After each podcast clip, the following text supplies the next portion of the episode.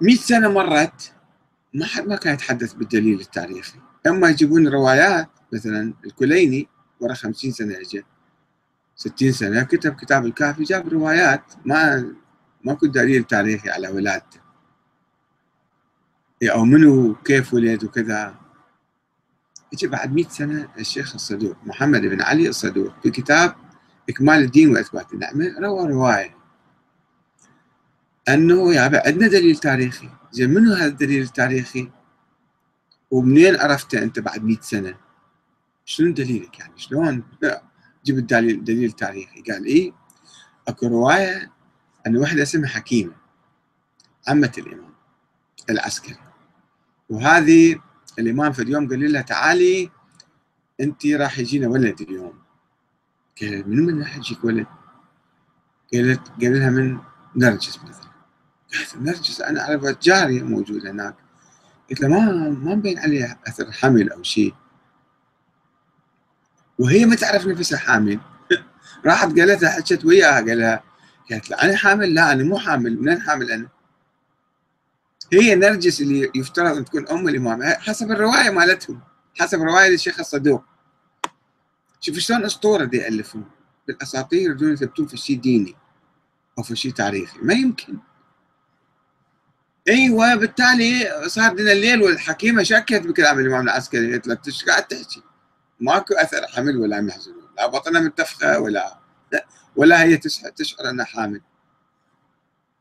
قال لا راح راح تولد راح تولد اليوم الصبح عند الفجر المهم ولدت.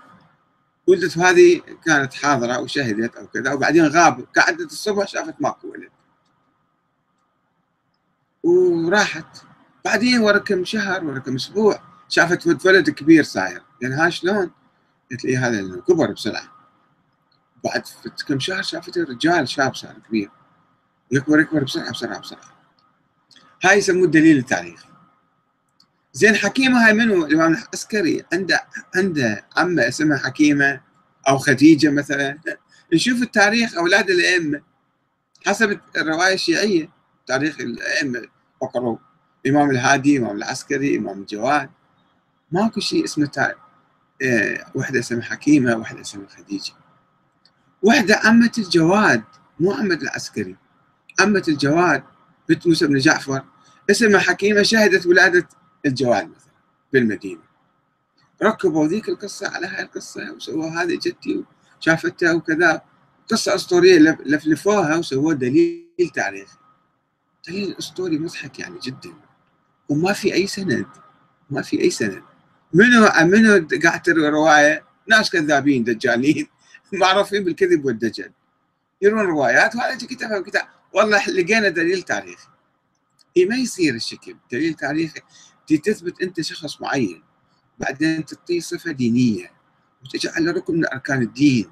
واللي ما يؤمن بهذا الشخص يروح للنار. ويصير كافر ويصير مرتد ويصير ما أدري شنو. وأنت باني كلامك على خرافات وعلى أساطير. يجيب لي آية قرآنية يجيب لي حديث نبوي مضبوط. مو تجيب لي قصص يعني مال عجائز وتريد تثبت لي دين بهالقصص هذه. والناس لما يشوفون القصص يقوموا يضحكون. الآن شوف الشباب. اقروا لهم هاي القصة وشوفوا إيش يقولون. يقول والله هاي تصدق بها أنت الحكاية. شلون؟ بعد لو واحد اجى ناقش بيها وشوية يتكلم يريد ينزه مذهب أهل البيت عن الخرافات والأساطير ويقولوا له أوه أنت صرت مرتد أنت صرت ضال أنت صرت مضل أنت فاسق أنت